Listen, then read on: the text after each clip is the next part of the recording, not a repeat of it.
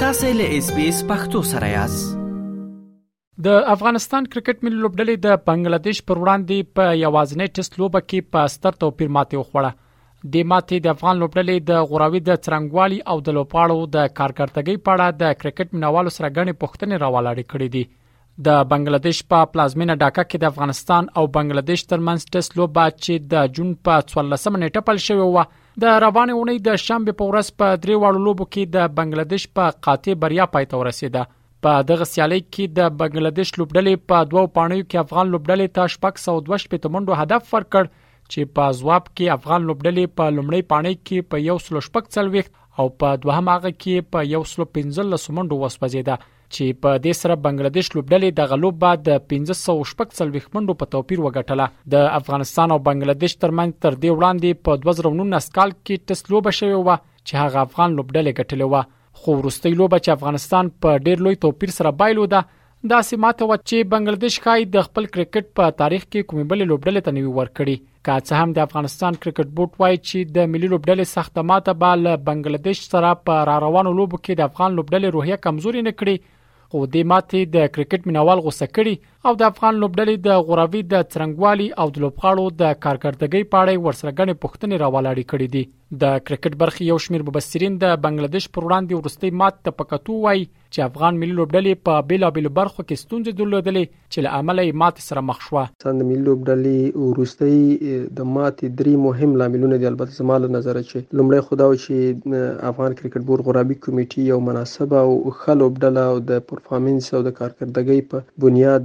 جوړه شوې لوبډله نه وه ټاکلې او دوهم دا چې د کرکټ بورډ بې توجهي وه چې دغه لوبډلې ته یې ښه تمرینات ورنه کړل، ښه امادګي یې ورته نه وه چمتو کړې. او بل دا چې د ملي لوبډلې د ځینو سینیر او مهمو لوبغاړو کلیدي لوبغاړو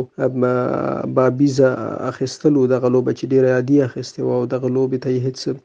امادګي نه وه نیولې او دا هغه لاملونه وو چې افغان لوبډله له سختې ماتې او له وروستیو شلو کلونو کې په دومره لوی توپیر هیڅ لوبډلې ماته نه وه خوړې په کرکټ کې چې افغانستان ماته وخوړله. د بنګله دېش د یو لوبډلې خلاف په ټېسټ لوبه چې څومره د افغانانو تمه وه څومره په کار وه هغسې لوبه ونه شوه علت یې دا و چې دوی چې کومه لوبډله انتخاب کړې وه یوولس کسیزه لوبډله هغه نو داسې لوبډله نه وه چې د هغې نه د ښه لوبې تمه وشي داسې لوبغاړي پکې وازمویل شول چې هغوی بار بار لوبډلې ته راغلي بار بار یې پرفارمنس نه دی کړی خو بیا هم د واسطې او واسطه بازۍ په زور باندې لوبډلې ته راغلي دي. داسې لوبغاړي پکې دي چې هغوی د کورني کرکټ کې هیڅ پرفارمنس نه ده کړی، هیڅ کارکردګي نه ده کړې خو بیا هم ملي لوبډلې ته اچول کیږي، بیا هم په دومره مهم سفر کې، نو دا ټول هغه علتونه وو چې افغان لوبډلې د بنګله دیش په خلاف باندې په یوه ډیره ستره او شرمونکې ماتې سره مخ شوه. ټاکل شوې د افغانستان کرکټ ملي لوبډلې او بنګله دیش ترمنځ د راروانې جولای میاشتې په پنځمه، اتمه او یوولسمه درې یو ورځنۍ لوبې ترسره شي او په دې پسې به دواړه لوبډلې د جولای په 14مه او 14مه دوه شل ورځې لوبې هم وکړي د افغانستان کرکټ بورډ د یک شنبه په ورځ له بنگلاديش سره د دریو یو ورځنیو لوبو لپاره خپل 13 کسي سکواډ اعلان کړ چې سربېره پر دې لس احتیاطي لوبغاړي هم پکې اخیستل شوې دي د افغانستان کرکټ بورډ په خپل فیسبوک پاڼه لیکلی ول چې له احتیاطي لوبغاړو څخه به د 2023 میلادي کال نړیوال جام سیالیو پورې د افغانستان په یو ورځنیو نړیوال لوبو کې د ضرورت پر وخت کار واخیستل شي د کرکټ برخي مبصرین بیا له بنگلاديش سره راتلونکو لوبو ته هیله مند دي چې په خبره یې ښایي افغان لوبډله ښې لوبې وکړي او له ځانه ښه کارکردګي وښيي راتلونکو سیالیو تم تمه ډیره ده چې افغانستان به ښې لوبې ته سره لري که څه هم سکواډ اعلان شو په سکواډ کې یو څه حقدار لوبغاړو ته هم ځای ورکول شوی چې مثال کې اکرام علي خیل او ترڅنګ یې وفادار مومند یادولی شو خو ځینو نورو تغیراتو ته هم پکې اړتیا وه، هغه لوبغاړي چې بار بار نه ځلیږي زما په اند باندې باید یو څه نورو نوو لوبغاړو ته پکې چانس ورکول شوی وای. وروستۍ لوبډله چې تازه اعلان شوې ده د پنځوس اوریزو یو ورځنیو لوبو لپاره شخصاً زما له نظره ښه لوبډله ده او که داسې یوه لوبډله چې په ښه معیار او د نړیوالو اصولو سره په برابره توګه باندې وټاکل شي داسې لوبډله خپلې سیالۍ وبایلي هم زما له نظره کرکټ مینه وال به پرې توندې نیوکې ونه کړي. ځکه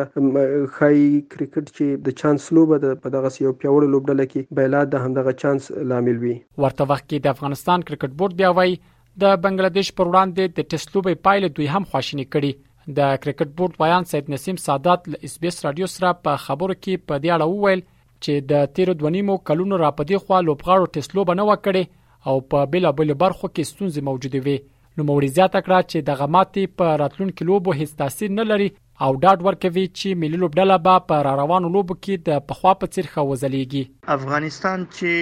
کومه ټیسټ سیالۍ بنګلهدېش ته وبایلوده دلته ډېر ستونزې وي یو ستونزه دا و چې افغانستان دغه ټسیالي نګدي دونیم کال بعد تر سره کړه همدارنګه د بنگلاديش هوم ګراوند او بنگلاديش په دغه پیچونو باندې استرالیا او د استرالیا تور تډيري پیاوړې لوبډلې ماتې کړې دي او درې ملت مونږه ویل شو چې دا غي ځای ګرمي و نو